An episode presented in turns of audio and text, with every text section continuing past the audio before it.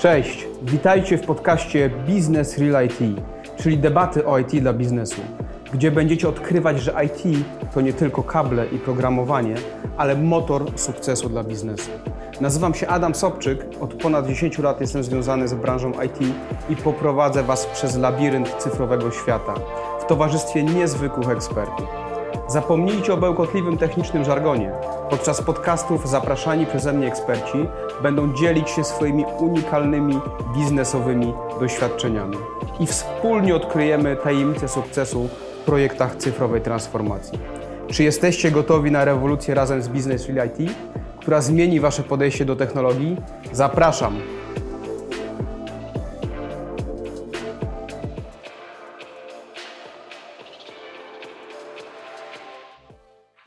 Cześć, witajcie w kolejnym odcinku podcastu Business Real IT, czyli debaty o IT dla biznesu. Dzisiaj porozmawiamy o niezmiernie istotnym oraz ciekawym temacie, czyli czym różnią się projekty realizowane lokalnie od projektów w grupach kapitałowych, gdzie centralnie jest wybierane rozwiązanie informatyczne, a później wdrażane w ramach lokalnych rolloutów. Moimi gośćmi dzisiaj są Aleksandra Wrubel oraz Szymon Pociask. Prośba o podzielenie się swoim doświadczeniem powiedzenie parę zdań sobie. Cześć, nazywam się Aleksandra Wrubel i na co dzień pracuję w dziale wdrożeń systemu Business Central i wdrażam ten system u klientów. Cześć, ja nazywam się Szymon i na co dzień odpowiadam za wdrożenia w tym dziale, aby wszystko szło tak, jak sobie to założyliśmy wcześniej. Super, to zacznijmy tak naprawdę od klucz dzisiejszej rozmowy, czyli czym różni się to podejście takie typowo projektowe dla jednej organizacji w jednym kraju od podejścia globalnego, globalnych rolloutów? Myślę, że najważniejszym elementem jest konfiguracja, którą naniesiemy na system i którą będziemy wykorzystywać. Jeśli weźmiemy sobie pod uwagę na przykład projekt wdrożeniowy, który odbywa się dla firmy działającej tylko w jednym kraju, załóżmy naszym, i jest to firma też jednooddziałowa, ma tylko jedną firmę na przykład w swojej spółce, to często ta konfiguracja, która zostanie naniesiona, jest jednorazowa. Nie przykuwamy do tego bardzo dużej uwagi, konfigurujemy, trochę też zapominamy i później działamy naszą aplikacją. W przypadku grup kapitałowych jest tak, że wydziela się taką konfigurację globalną. Uznaje się, że to jest konfiguracja taka główna, która następnie jest kopiowana na inne, mniejsze konfiguracje. Więc wtedy ma to większe znaczenie, bo musimy trochę pomyśleć nie tylko o tym, jak skonfigurujemy daną naszą spółkę, która pierwsza jest wdrażana, ale również o tym, jak później te kolejne spółki będą korzystać z tej konfiguracji, aby wdrożenie było szybsze i też lepiej dopasowane do profilu danej działalności. Mhm. Jakby rozmawiając o tym, jak to rozwiązanie budowane globalnie wygląda, jak wygląda architektura takiego rozwiązania? Jest tak, że w zależności od tego, czy rozwiązanie będzie systemem takim stricte chmurowym, czy bardziej on-premise'owym, to będziemy musieli popatrzeć na to, jak zostanie dostarczone na dany właśnie ten serwer czy tą infrastrukturę.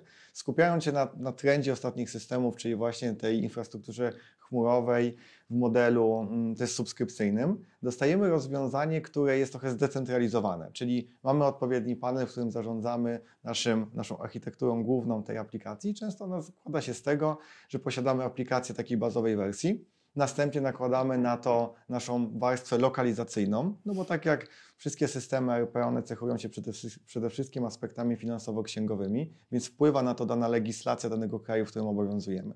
Więc jeśli mamy rozwiązanie, które jest bazowo zgodne z daną, z naszą daną legislacją, możemy nanieść naszą warstwę trzecią, czyli konfiguracyjną dla naszego przedsiębiorstwa, którą charakteryzuje grupę kapitałową i w końcu czwarty element, czyli takie indywidualne dostosowania, które zawsze pojawiają się w danym kraju. No tak, dzięki temu rozumiem, że efektem takiego projektu może być chociażby oszczędność kosztów, dlatego że część prac, które normalnie byśmy powielili pomiędzy różnymi krajami, tutaj realizujemy wspólnie. A powiedzcie mi proszę, biorąc pod uwagę, że na, na tym rynku jest dostępnych mnóstwo różnych systemów RP, co sprawia, że system jest globalny? Jaki system globalny wybrać, zidentyfikować? E, przede wszystkim to, e, że rozwiązanie jest dostępne w wielu, wielu różnych krajach zawiera lokalizację, czyli funkcjonalności, które spełniają wymogi legislacyjne w danym kraju e, oraz również e, wielojęzykowość systemu, czyli to, że użytkownicy w różnych krajach mają możliwość przełączenia języka i działania na, tym, działania na tym samym rozwiązaniu w różnych miejscach na świecie. No właśnie, jak to jest z tą lokalizacją? Bo wiemy szczególnie na przykładzie Polski, że lokalne ustawodawstwo potrafi być bardzo skomplikowane i bardzo czasem nawet zaskakujące dla partnerów, którzy działają globalnie. Jak to jest w innych krajach? E, w innych krajach, e, w przypadku systemów globalnych, mamy funkcjonalności właśnie, które te przepisy pokrywają. Jeżeli nie ma czegoś takiego w systemie z pudełka, wtedy należy się skontaktować z jakąś firmą, która dostarcza te funkcjonalności.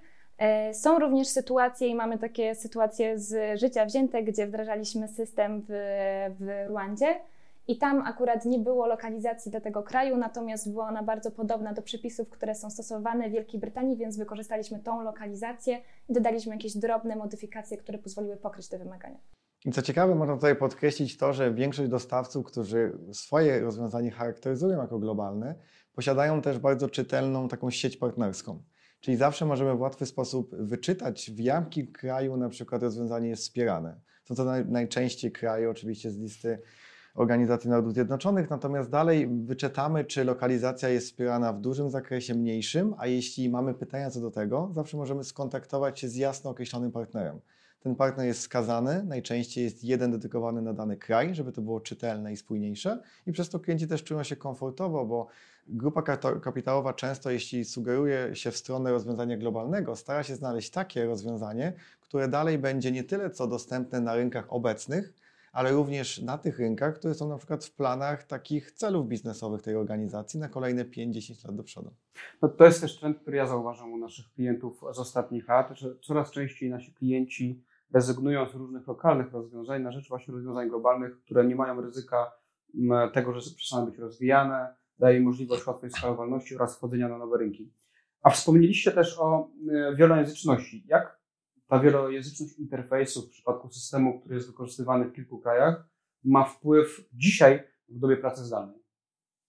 I tutaj chyba odpowiem takim przykładem. E, mamy przykład e, z jednej z takich młodych team liderek. Pracuje w jednej firmie, która jest częścią dużej branży kapitałowej, e, grupy kapitałowej z branży automotive. Na co dzień pracuje na przykład w Polsce, w regionie śląskim. Natomiast ostatnio dostał awans na rolę właśnie team liderską i pod jej jakby zarządzanie trafił zespół z kilku krajów na świecie, z kilku różnych stref czasowych. No i właśnie wyzwaniem w takim rozproszonym zarządzaniu zespołem też jest to, żeby poprowadzić trochę tych pracowników z innych działów i pozwolić im sprawniej poruszać się po aplikacji IT, która jest wykorzystywana w danej organizacji. I mamy tutaj taki przykład, gdzie potrafimy prowadzić kogoś e, w realizacji pewnych celi na tym samym interfejsie, na tej samym miejscu w systemie, ale przy zastosowaniu innego języka. I teraz wyobraźmy sobie sytuację, gdzie jesteśmy na pewnym zebraniu, jakimś spotkaniu i próbujemy wytłumaczyć pewien sposób działania jakiegoś procesu. I my nie do końca rozumiemy interfejs języka, na przykład jeśli to będzie indyjski, ale potrafimy sobie ten sam system, ten sam proces przełączyć na język nasz lokalny, a ci, którzy pracują w innym kraju, działają na swojej wersji językowej. Więc mamy jeden system, który jest spójny, używamy tej samej nomenklatury, tak samo się poruszamy po nim, ale dla każdego z nas jest to bardziej czytelne przez to, że widzimy swój język rodzimy, który ułatwia nam pracę i wykonywanie naszych obowiązków. No tutaj Microsoft bardzo mocną strategię ma swoją wpisane, jednak przyzwyczajanie ludzi i społeczeństwa do tych swoich interfejsów już od młodości, bo pracujemy w szkole, później w pracy na Windowsach, na tych pakietach Office'a to jest ten sam e, bardzo podobny interfejs, który później korzystamy chociażby w systemach RP czy CRM, do którego właśnie jesteśmy przyzwyczajeni i który jednak ułatwia nam korzystanie z tych rozwiązań. A powiedzcie, bo to wydaje się być dosyć oczywiste, ale, e, ale ma różne konotacje w przypadku wdrożeń systemów finansowo-księgowych. Jak to jest z wielowalutowością?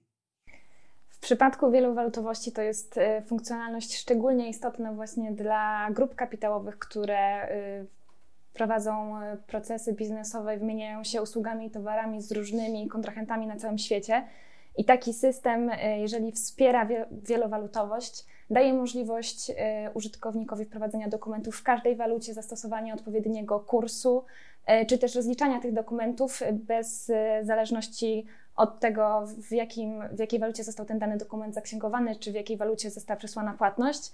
E, no i takie systemy obsługują dodatkowo automatyczne rozliczanie różnic kursowych, czy w różnoraki sposób wspierają użytkowników, tak że oni nie muszą tych działań wykonywać automatycznie. Wszystko wykonywać ręcznie, wszystko dzieje się z automatu. I to mhm. ciekawe w przypadku tych kursów wymiany, no to wiemy, że specyfika jest też taka, że one się dosyć często zmieniają z dnia na dzień. I dany kraj też korzysta z tego publikacji tych kursów wymian, które są najczęściej, za które najczęściej są odpowiedzialne banki centralne. Czyli inaczej będzie kurs wymiany zastosowany w Polsce, inaczej będzie wykorzystywany na przykład w Niemczech. I teraz każdy z takich systemów o zmianach globalnych i wspierających wielowalutowość pozwala też bezpośrednio wpiąć się w tą publikację i na przykład zautomatyzować sobie tą czynność ręcznego uzupełniania. I niezależnie od tego, czy będziemy ten kurs używali w formie takim dziennym, miesięcznym, tygodniowym, czy to będzie jakiś kurs wynegocjowany. Często jest też tak, że finansowo możemy rozliczać z innym kursem, a na potrzeby podatkowe używać jeszcze innego kursu, a do sprzedaży używać kursu dedykowanego na sprzedaż. I właśnie te funkcjonalności są o tyle korzystniejsze, że użytkownicy nie mylą się fundamentalnie w danych, przez co nie muszą później tych dokumentów korygować czy poprawiać. A jak to jest w przypadku rozliczeń jednak w dużych organizacjach, gdzie jest kurs korporacyjny? Wtedy możemy na przykład zastosować ten kurs, który my sobie wynegocjujemy, ustalimy i też możemy nawet jedną transakcję wykazać w kilku różnych kursach na potrzeby różnych zestawień czy y, rozrachunków z naszymi kontrahentami, czy to powiązanymi, czy nie. I często jest tak, że stosujemy jedno, jeden kurs do rozliczenia wewnętrznego, inny do wykazania czegoś z zewnątrz, a jeszcze trzeci do jakichś wewnętrznych procesów, na przykład w oparciu o wspólne budżetowanie czy kontrolę tego zużycia tego budżetu w stosunku do zakupów, które wykonujemy. Mhm. A wróćmy trochę do takiej warstwy bardziej projektowej w oderwaniu już od konkretnych e, funkcjonalności. Z Waszej perspektywy, oboje macie doświadczenie w projektach międzynarodowych, jakie są największe wyzwania przy tego typu projektach? Myślę, że największym wyzwaniem jest to, żeby z, spotkać ze sobą i znaleźć taki złoty środek do różnych potrzeb biznesowych, które są stawiane przed tymi rozwiązaniami.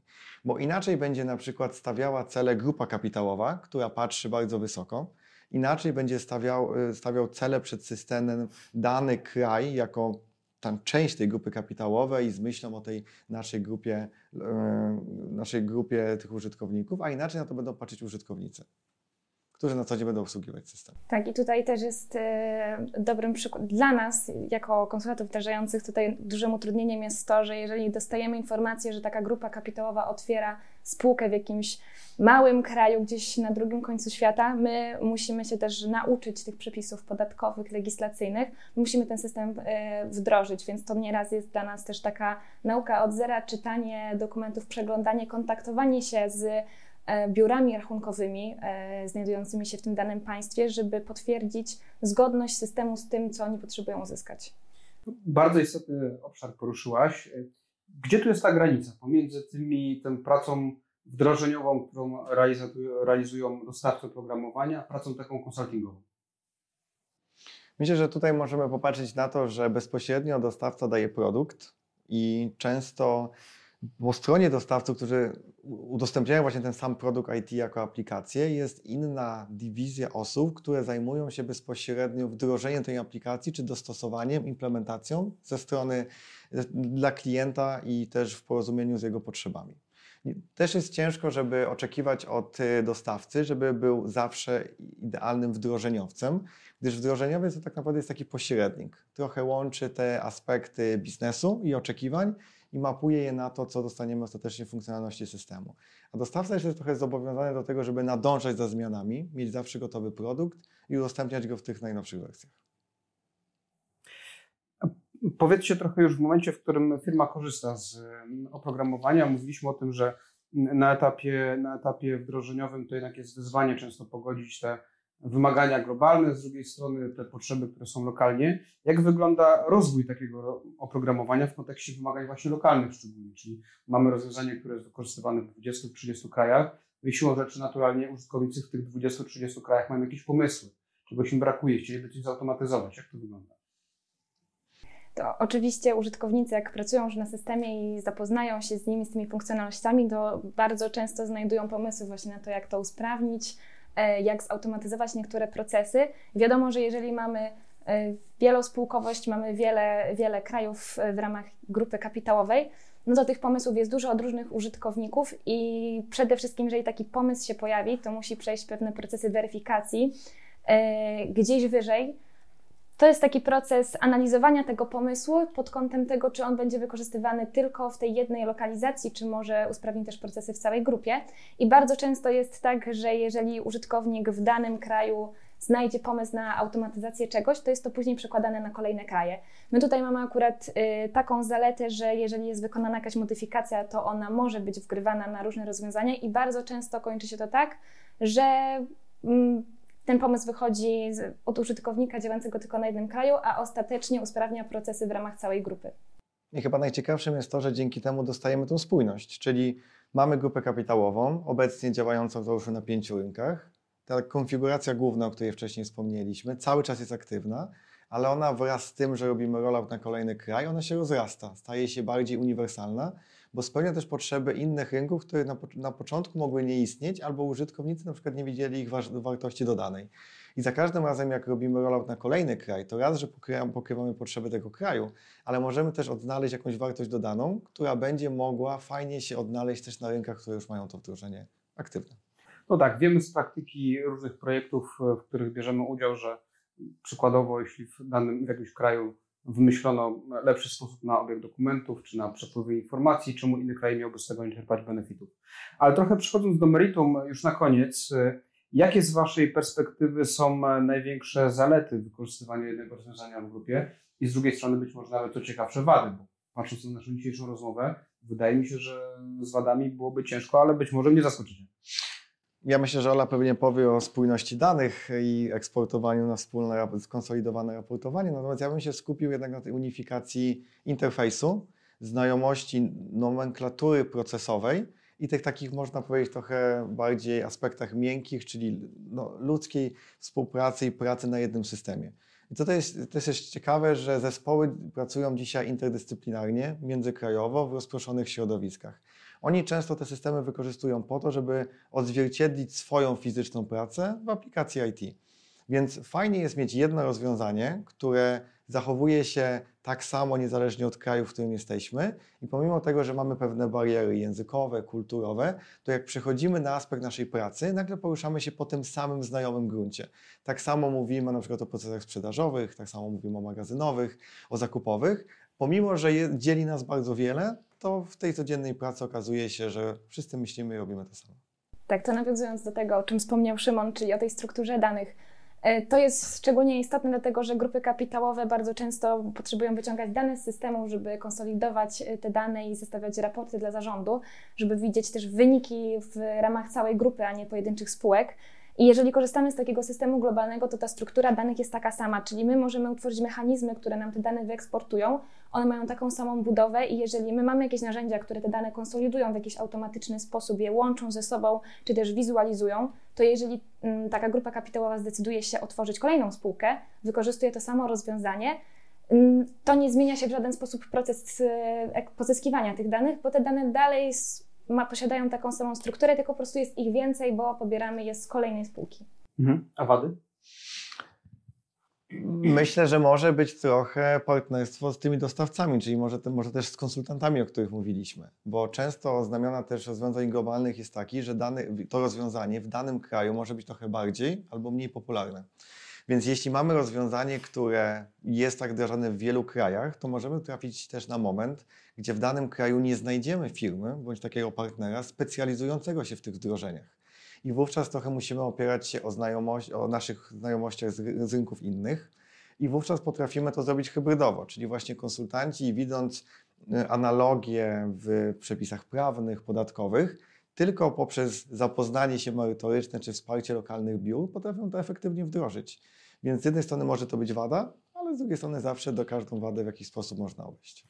No to jest taki, tak jak zauważyłeś, plus, plus, plus ujemny w niewielkim stopniu, dlatego że można faktycznie jakoś sobie z nim poradzić. Natomiast podsumowując e, tę naszą dzisiejszą debatę, wydaje mi się, że jakby wdrożenia w takim modelu globalnym, gdzie mamy jedno rozwiązanie, które później rolloutujemy w poszczególnych krajach, mają mnóstwo niezaprzeczalnych zalet w postaci ograniczenia kosztów projektowych, e, szybszego wdrażania w poszczególnych krajach, uspójnienia tej struktury danych, konsolidacji danych, przy jednoczesnym zachowaniu pełnej zgodności z lokalnym ustawodawstwem. Z drugiej strony bardzo ważny jest tutaj aspekt e, zarówno wyboru technologii, która będzie dostępna globalnie, ale będzie też miała dostępne lokalizacje, ale również partnera, który będzie w stanie pomóc doradzić w tych poszczególnych krajach.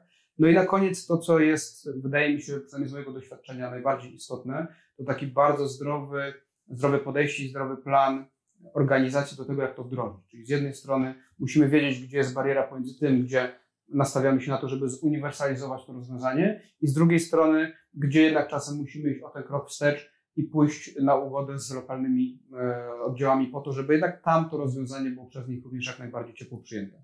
Ja bardzo Wam dziękuję za udział w dzisiejszej debacie. Mam nadzieję, że ona będzie ciekawa i że pomoże również naszym klientom podjąć decyzję co do tego, jak prowadzić projekty wdrożeń globalnie. Bardzo Wam dziękuję. Dziękuję również wszystkim, którzy nas słuchali. Niezmiennie zapraszam Was na kolejne podcasty oraz na stronę intersys.pl, gdzie znajdziecie mnóstwo dodatkowych materiałów, takich jak blog, jak e, wpisy, artykuły czy inne materiały merytoryczne, które mogą Wam się przydać. Bardzo dziękuję Dzięki. Dzięki. Do zobaczenia. Do zobaczenia. i do zobaczenia.